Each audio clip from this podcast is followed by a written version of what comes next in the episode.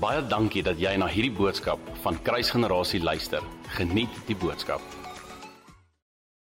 So ja, ehm um, môre is Valentine's Day.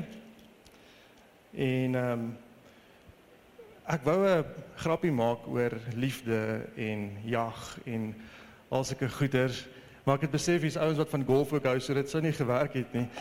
En nee, dis net net 'n grappie lawie. Ehm um, Ja, nee, dis dis funny. Wat ek wel wil sê, ek weet daar's 'n klomp ouens hier wat vanaand sit en uh, jy weet dis Valentine's Day en dis geldmors en dis net commercialized en jy weet dis dis regtig net 'n 'n mors van tyd en geld. OK. En ek dink ewen jou vrou dalk vir jou so iets gesê. Dis alleen. OK. Hier's 'n tip. Koop vir haar die blomme. Sy wil dit hê. OK, moenie val daarvoor nie asseblief ouens. As jy nie het nie, praat my na die tyd of sort julle uit met die blomme. Dis reg, moet dit nie val vir die vir die leuen nie. So nee. My my Valentine storie uh, om dit net vir julle te vertel, my eerste Valentine storie. Ek was about uh 8 of 9. En ehm um, ons het in 'n klein dorpie gebly met die naam van Dellerywil. Dit was 'n baie klein dorpie. Daar's net 'n laerskool. En ehm um, ek hoor toe nou hoe werk hierdie Valentine storie. Jy weet, so jy hou van iemand en jy gee vir hulle 'n kaartjie en weet so op baie manier vind jy uit hulle hou van jou en jy weet dis dis mooi. En ehm um, vorige dag ry ek my fiets gaan kafee toe, koop 'n sjokolade vir hierdie meisie en 'n kaartjie En ehm uh, die volgende dag by die skool wag ek tot pouse. Ehm um, kyk ek vir my vrou terwyl ek dit sê. maar ek wag tot pouse en toe die toe die meisie haar tas neersit, ek weet sneek ek gou in en ek sit die kaartjie en ek sit die sjokolade in haar tas. En ek gaan kruip weg en ek hou dop die tas. Jy weet want ek weet sy moet kom. Sy een of ander tyd gaan sy kom en dan gaan sy hierdie ding sien in haar tas, jy weet en, en ek wag nou vir die respons, jy weet. Ek wag vir vir acceptance. Ja. Dit sê vir my sê, jy weet, ek ook. En ek sien sy kom by haar tas en sy haal die sjokolade uit en sy het 'n groot smile en sy haal die kaartjie uit en sy het 'n groot smile en en ek wag. Jy weet. En die klok gaan lui en pouse gaan verby en niks gebeur nie. En dis nader aan tweede pouse en uh, niks gebeur nie. en ek wag. Jy weet ek ek ek kan nie lekker verstaan nie want ek my maat my verduidelik hoe werk hierdie storie maar maar niks van hierdie goed werk uit nie. En uh dis nou dan pauses verby en die skool kom uit en nog steeds het hierdie meisie geen erkenning of ewen 'n hint vir my gegee dat sy actually vir my hou nie, jy weet. En ja, yes, ek's negatief. Ek's huis toe, die trane loop. My ek kom by my ma, ja, yes, en ek huil oor hierdie storie. Ek sê vir ek kan nie verstaan wat gaan nou nie. En sê troos my en alles en ek het daai dag het ek twee belangrike goed geleer. Eerste een is almal gaan nie noodwendig van jou hou nie. OK. Dis die eerste eerste les. Die tweede les wat ek geleer het is dis nogal belangrik om jou naam in die kaartjie te skryf. sodat mense weet dis jy wat die kaartjie gegee het. So die van julle wat nie 'n naam in die kaartjie wil skryf nie, onthou daai enetjie hoor. Maar dis funny want dis exactly waaroor ek wil praat vanaand. Jy weet ons het baie keer hierdie selfde attitude wanneer ons by die Here kom, wanneer ons die Here dien, wanneer ons die Here approach met ons gifts en ons sacrifices. Ons gee dit vir hom whether it a ministry is, whether it 'n tyd is, whether it 'n droom is. Ons gee vir vir die Here, die Vader, ons gee vir hom hierdie droom En ons staan en wag in die shadows en ons kyk hoe gaan hy respond. Ons kyk hoe gaan hy na ons toe respond as hy hierdie droom sien, as hy hierdie droom kry en wat gaan hy doen as hy sien ek het hierdie ding vir hom gesacrifice, as ek hierdie offering vir hom gegee het.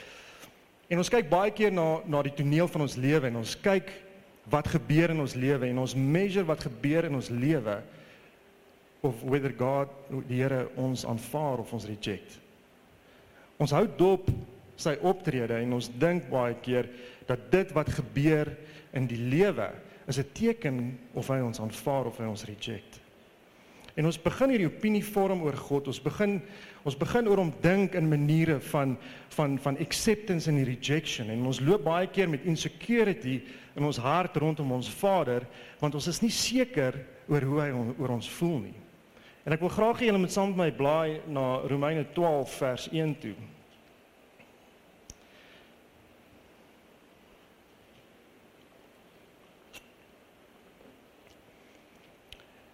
En Paulus skryf hier en hy sê, ek lees in Engels, um I beseech you therefore brethren by the mercies of God that you present your bodies a living sacrifice, holy, acceptable to God, which is your reasonable service. Verse 2. And do not be conformed to this world, but be transformed by the renewing of your mind, that you may prove what is the good and acceptable and the perfect will of God.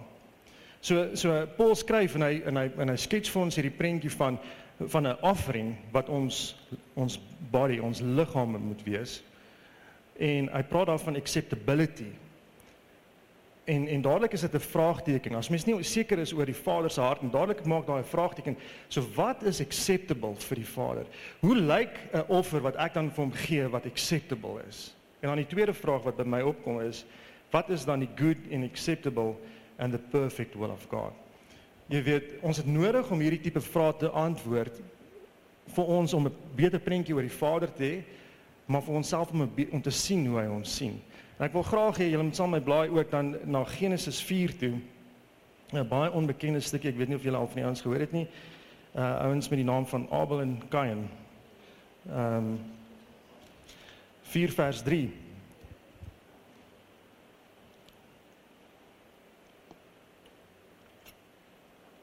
And in the process of time, it came to pass that Cain brought an offering of fruit, uh, of the fruit of the ground to the Lord. Abel also brought of the firstborn of his flock and of their fat. Ek wil hê hulle moet daai stukkie onthou, and of their fat. And the Lord respected Abel and his offering, but he did not respect Cain and his offering. And Cain was very angry and his countenance fell, so the Lord said to Cain, "Why are you angry? And why has your countenance fallen? If you do well, will you not be accepted? And if you do not do well, sin lies at the door and its desire for you, but you should rule over it. So dis hierdie amazing stukkie en daar's eintlik so so baie dynamics in hierdie stukkie, maar weer eens word ons gekonfronteer met die, met hierdie issue van acceptability. Wat wat is dan vir God acceptable? Wat is wat is dit wat vir God aanvaarbaar is? Want ons het baie keer idee van wat ons gaan offer. Maar maar die die vraag is wat is vir God aanvaarbaar? Wat is daai acceptable offering? Hoe lyk dit dan as ek dit doen? Ek wil teruggaan na daai stukkie waar hy waar hy sê, um Abel also brought of the firstborn of his flock and of their fat. Jy weet daai daai woordjie fat wat dit wat dit bedoel, dit bedoel die choice, die die, die beste. En en dit wys vir my na sy hart attitude. Dit wys vir my dat Abel het nie net die regte ding gedoen nie, maar hy het dit gedoen uit sy hart uit. Dit was sy beste, sy choice, sy beste offer wat hy actually kon bring vir die Vader het hy gebring. En ek dink baie keer as mens na hierdie stuk kyk en en en ek kan nie ek weet nie hoe was julle kinderbybels nie. Ek onthou altyd my kinderbybel het hierdie twee altaars gehad en die een se rook was regop en die ander een se rook was so skuins, jy weet. En en mens mens dink altyd dis wat God doen. Hy accept en hy reject. Ja, kan vaar jou Willem, maar nee, ek gaan jou nie aanvaar nie. Jy is nie goed genoeg nie of jou offer is nie goed genoeg nie. En, en ek dink dit is belangrik vir ons om te, te verstaan wat is dit wat God dan na kyk? Hoe hoe judge hy hierdie? En hy gaan aan net sê, um and the Lord respected Abel and his offering, but he did not respect Cain and his offering. Ons het baie keer daai idee, die idee wat dit sê is aanvaar. Dit is respek. Daai woordjie respek beteken om in o te kyk na iets. Jy kyk na in bewilderment. So so wanneer die Vader Abel se offer gesien het, kyk hy in bewilderment na hierdie offer. Hy hy kyk nie net na die offer en hy en hy aanvaar die offer nie, hy kyk in bewilderment. Maar so ook wanneer hy na Kain kyk, is daar nie bewilderment in sy in sy oë nie. En ek wil vir julle 'n prentjie skets. Toe ons klein was, het ons almal hierdie prentjies vir ons ouers geteken jy weet 'n uh, huis of 'n karretjie of 'n family of mannetjies en goed. En jy bring hierdie hierdie gift vir jou ouers en hulle kyk na hierdie prentjie en hulle kyk in bewilderment na die prentjie. Want hulle sien nie eintlik die prentjie raak nie. Wat hulle sien is hulle sien jou hart. En dit is wat hulle in bewilderment laat staan. En en en it's amazing what imagine imagine uh, um Michelangelo, die die greatest artist van van alle tye. Die ou wat die Sistine Chapel geskilder het. Hy's die master. Imagine sy kind bring vir hom hierdie prentjie. Hierdie offering, hierdie gift. En hy kyk daarna en hy kyk nog steeds daarna in bewilderment. Wil vir julle sê dit is wat die Vader doen met ons. Hy kyk na ons in bewilderment. Dit gaan nie oor die kwaliteit van jou van jou prentjie nie. Dit gaan nie oor as ek eh, Leonardo se kind se prentjie vat en ek vat sy prentjie, daar's geen measurement nie. Ek kan dit nie met mekaar compare nie. Jy compare niks teen iets amazing, maar yet staan die master en hy kyk en hy's bewildered deur hierdie prentjie want dit gaan oor die kind se hart. Dit gaan oor die kind se hart. So wanneer wanneer Kain hierdie hierdie hierdie offer gebring het, dink ek nie net dit was 'n bloed issue gewees nie. Ek dink dit was 'n harts issue. Baie mense sal sê nee, en teoloë sê nee, weet jy wat, wat eintlik die probleem was, dit was nie 'n dit was nie 'n bloedoffer nie. God kan dit nie aanvaar nie, want dit was nie 'n bloedoffer nie. Dit was nie die regte offer nie. Blaai saam met my as jy wil uh 2 Samuel. Ag 1 Samuel 15. Ek wil gou-gou dit vir julle sê. Gelees. Uh 1 Samuel 15 vers 22. That say, As the Lord has great delight in burnt offerings and sacrifices, as in obeying the voice of the Lord. Behold, to obey is better than to sacrifice, and the heed of um, and to heed than the fat of rams. Hierdie storie gaan oor Saul en waar Saul 'n offer gemaak het, 'n bloedoffer. Dit was die regte offer. Die offer was die regte kind of offer, maar maar jet het die Vader dit nie aanvaar nie. Want jy sien dit gaan nie oor die regte kain of offer nie. Dit gaan nie so seer wat Kain gedoen het of die regte offer was of dit nie die regte offer was nie. Dit gaan oor sy heart's attitude. En wanneer die Vader daarna kyk, dis amper, dis amper asof Kain het van die skool af gekom en hy gee vir sy pa die prentjie en uh en en en, en hy sê, "Waar kom die prentjie vandaan?" En en Kain sê, "Die juffrou het gesê ek moet dit teken." Waar ek weet nie. Ek weet nie waaroor gaan die prentjie nie ek die juffrou net gesê ek moet dit teken. Daar's geen hart in dit nie. En ek dink dit is wat die Vader agterna is en en dit is wat my vanoggend so gestuur het wat Jan gesê het. Is dat wanneer ons ons offer bring, wanneer ons hierdie sacrifice bring, wanneer ons hierdie hierdie lewe kom en ons bring, dan is ons veronderstel om die beste wat ons het te bring. Ons is veronderstel om ons choices, ons die fat of our rams moet ons bring en ons moet dit voor die Vader bring want dit gaan nie oor oor oor hoe lyk my sacrifice nie, maar dit gaan oor hoe lyk my hart wanneer ek hierdie sacrifice bring. Dit is wat die Vader se hart verander. Dit gaan ehm um, ek gaan ek spring bietjie terug. So ek gaan terug na Genesis 4 toe. Ehm um, en dit gaan aan in vers 6 sê so the lord said to cain why are you angry? And why has your countenance fallen? If you do well will you not be accepted? And if you don't do well sin lies at the door and its desires for you but you should rule over it. So die vader kom en hy praat met cain en hy gee hom hierdie opportunity vir repentance. Hy gee hom opportunity om hierdie reg te maak Wat vir my amazing is is weer eens ons het, ons dink weer eens wanneer ons hierdie woorde lees dan dink ons acceptance God accept my as gevolg van my offer. Maar daardie woordjie acceptance beteken om herstel te word in posisie. Jy word herstel in posisie. Jy sien ons sacrifices en ons offerings was nog nooit om God te verander nie. Ons sacrifices en ons offerings was nog altyd om onsself te verander. Jy weet, en as ons nie die konsep en die konteks van offering en sacrifices gaan kry nie, gaan ons gaan ons nooit die Vader kan please met die beste van wat ons het nie, want ons kan hom nie verander nie. Hy is wie hy is. Hy is lief vir ons soos wat ons is. Hy het sy beste gegee. Ons kan niks doen. Ons sit nie met 'n angry God wat wat ons nodig het om te please en en en te appease sodat hy net mooi na ons kyk nie. Hy het sy alles gegee. En ons het nodig om hierdie reg te verstaan want as ons nie reg verstaan hoe om ons offerings en ons sacrifices te bring voor die Vader nie, gaan ons altyd sit met 'n offering wat hom nie please nie. Hierdie stuk challenge my. Hierdie stuk challenge my want ek ek vra nog steeds goed as as dit die hart is as die manier waarop ons offer eintlik nie so seer oor die offer gaan nie maar oor die hart waar ons hierdie offer bring. Wat is God se wil? As as Romeine 12 dan praat dan ons sal dan die perfect will of God verstaan. Wat is daai wat is daai perfect will? En ek wil julle vra om dan gou-gou saam met my te blaai. Ehm um, julle hoef nie gou-gou te blaai nie, maar Jeremia 7 vers 22. Jeremia 7 vers 20. Ek gaan ek gaan so 'n paar versies hier hiernatoe en daartoe spring, maar ek wil graag 'n uh, 'n 'n basis begin vorm van wat is God se wil nou? Wat is God se wil?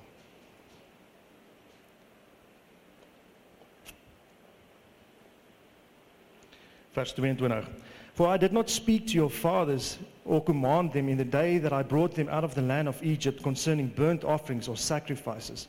But this is what I commanded to them, saying, Obey my voice, and I will be your God, and you shall be my people, and walk in the ways that I have commanded you, that it may be well with you. As jy wil weet wat is Here se hart? Dis die Here se hart vir jou. That it may be well with you. Hy het hierdie desire om saam met ons te wandel. Hy het hierdie desire om saam met ons te, be te beweeg. Dit is wat hy soek. Blaai gou saam met my na Genesis 14. Uh, Bybel marathon vanaand. Sorry, Exodus. Ek so ek, ek sommer vir julle heeltemal gejok. Exodus 29. Exodus 29 um, vanaf vers 38 en dit gaan oor die daily offerings. Now this is what you shall offer on the altar two lambs of the first year day by day continually. Ek ek wil hê ek gaan nie oor praat nie maar ek wil hê julle moet die julle moet die dynamic van hierdie offering sien. Die simboliek van hierdie offering. One lamb you shall offer in the morning and the other lamb you shall you, shall offer at twilight. With the one lamb shall be one tenth of um, of flour mixed with one fourth of hin of pressed oil one fourth of a hin of wine as a drink offering. Flour the bread of life the um, oil, the Holy Spirit, and the wine, the blood of Jesus. Um, Willem het laasweek daaroor gepraat. This shall be a continual burnt offering throughout the generations at the door of the tabernacle in this waar ek wil kom. This is where I will meet you to speak with you and there I will meet the children of Israel and the tabernacle shall be sanctified by my glory. Vers 45. I will dwell among the children of Israel. I will be their God and they shall know that I am the Lord their God, who brought them out from the uh, uh, land of Egypt, that I may dwell among them. So dis duidelik wat God hier wil doen. Dis so duidelik dat hy hy hy sal 'n reël plaas, maar wat hy eintlik desire, is hy lok amper die die die volk van Israel uit net sodat hy hulle kan ontmoet. Hy het so desire om ons te ontmoet. Hy het so desire om by ons te wees. Hy het so desire om ons te om ons te ontmoet op ons plek dat hy sal enigiets doen. Hy het geen behaag in die offering nie. Daar's niks wat hom behaag nie. Wat hy wil hê is hy wil by my en by jou wees. Dis wat hy vir die volk sê. Dis ek wil julle ontmoet. Ek wil met julle praat. Ek wil julle God wees. Ek wil tussenin julle bly. Is dit nie amazing nie? Is nie amazing om te dink dat dit is die Vader. Willem het nou net daaroor gepraat. Is nie amazing om te dink die lengths en die breadths wat die Vader sal gaan om actually met ons in verhouding te kom nie. Maar jy sien as ons nie kan as ons nie verstaan wat sy hart is nie, gaan ons nooit 'n offer kan bring wat hom please nie. Want hy soek nie hy soek nie om gepleased te word nie, hy soek jou hart. Weet as die Here jou hart het, het hy alles.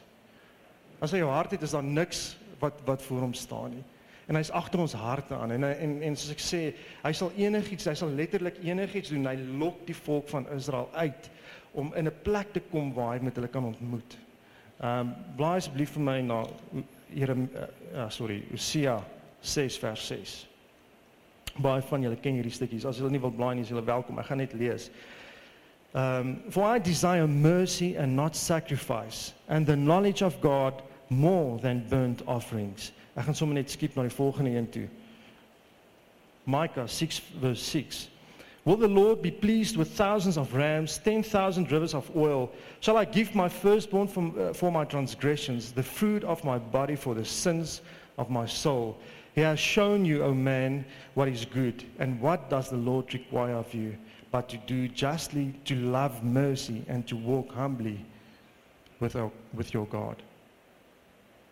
Ek moet julle sê dit dit stuur my hart wanneer ek deur hierdie goeters lees.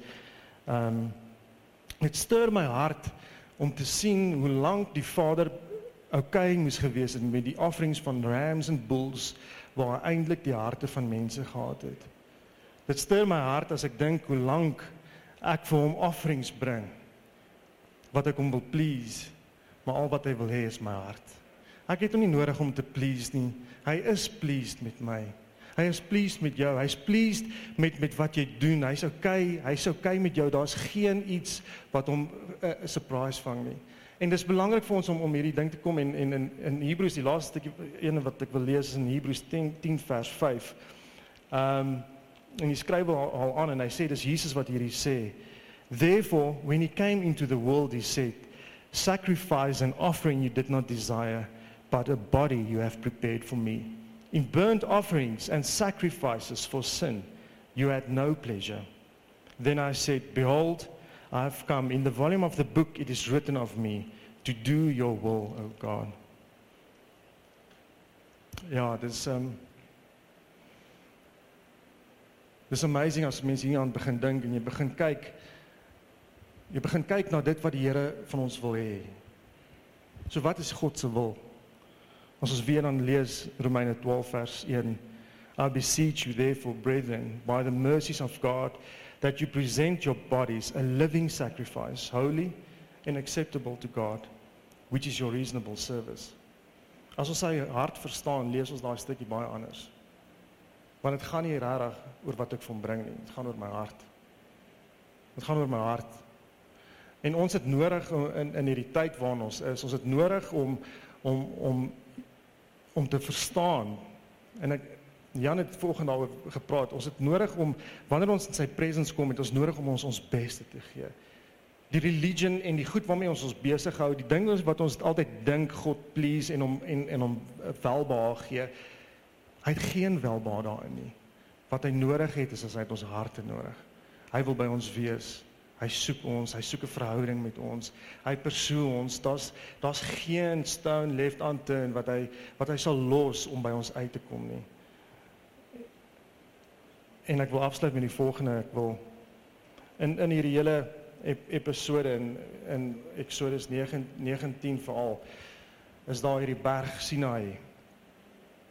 En die Here roep die volk bymekaar en hy sê vir hulle: "Hey, konsentreer julleself vir 3 dae en na die derde dag kom na die berg toe. Kom na hierdie berg toe." En hy sê vir Moses: "Maar maak dit duidelik vir die volk dat hulle nie kan opkom nie. Niemand kan opkom nie. Ons moet tot by die berg kom, maar ons kan nie julle kan nie opgaan nie." En en en God eh, praat met Moses en Moses sê: "Here, dis fyn. Ek het vir hulle gesê hulle gaan nie opkom nie." En die Here sê vir hulle weer: "Gaan af." en sê vir hulle moenie opkom om na hierdie berg toe nie. En dit is so confusing want weet wat die berg hier beteken, wat die berg present is God se teenwoordigheid. En God sê vir vir Moses moenie laat hulle opkom nie. En en ek en ek struggle met hierdie passage en ek vra die Here why? Ek ek ek verstaan nie as jy ons so desire dan. Wat is dit wat kan maak dat ons opkom? En ek lees Psalm 24 en dit sê who can ascend the hill of the Lord?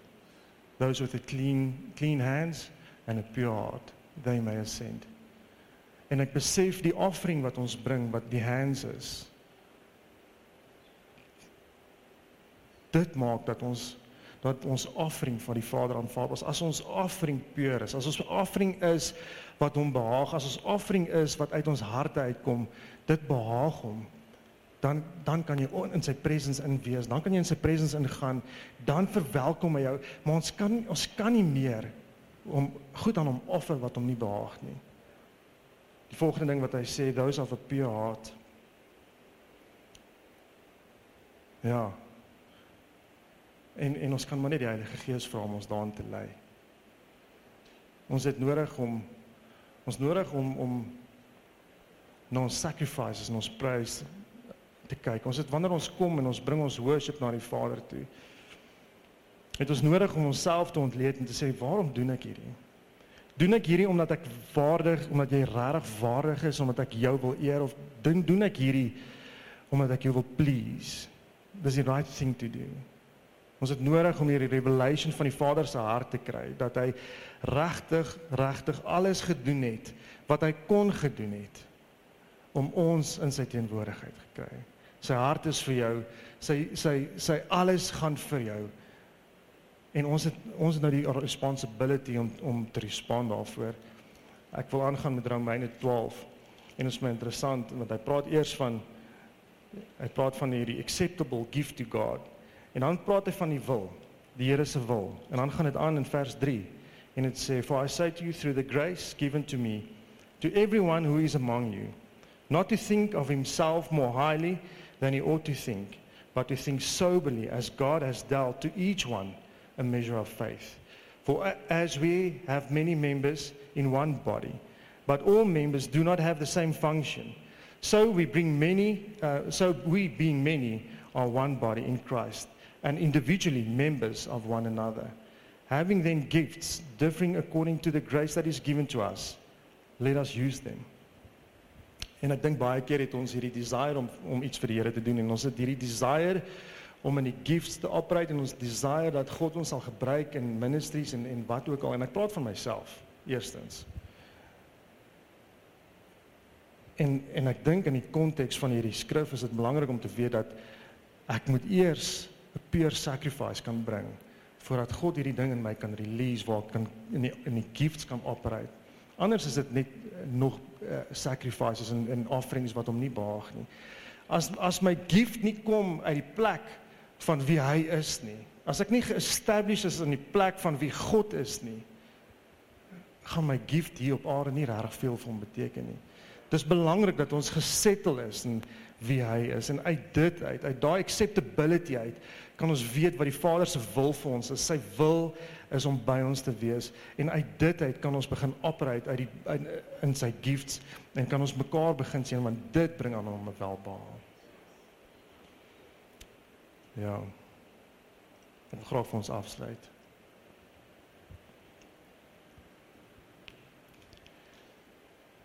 Vader, baie dankie vir hierdie aand en Here, dankie dat ons kan kom in jou presence en Here, dankie vir vir revelation oor wie jy is, Here. Ons het so nodig om om die waarheid van jou te verstaan. Ons het nodig om te weet wie jy is, Here. Ons het nodig om om om jou te kan sien vir wie jy is, Here. Ons ons vra dat jy elke elke ding wat belemmer dat ons sien wie hy regtig is, net sal wegvat voor ons. Dat ons sal sien wie hy is vir wie hy is, Here. Niks van die aangeleerde goed nie, Here, niks van die oorgedrade goed nie, maar net vir wie, vir wie jy is en wat jou hart is, Vader. Dankie Here dat jy ons persoon. Dankie Here dat ons offerings en ons on ons sacrifices nie daar is om jou te verander nie, maar Here, dit verander my hart. Dat elke keer wanneer ek kom met my sacrifice en my offering, Here, verander dit my hart. Here, en dankie vir die revelation dat jy ons liefhet. Here, dat jy letterlik geen behaag het in dit wat ek vir jou kan doen, soveel as wat jy het in my hart nie. Here, en ek vra dat jy ons in hierdie ding sal lei en in hierdie in hierdie waarheid sal lei en dat jy dit vir ons 'n waarheid sal maak, Vader. Ja, dat ons ons beste vir jou sal bring wanneer ons kom om te worship, wanneer ons kom om te sacrifice, Here. Dat ons ons beste voor jou sal bring. Ons vra dit in Jesus naam. Amen. Amen.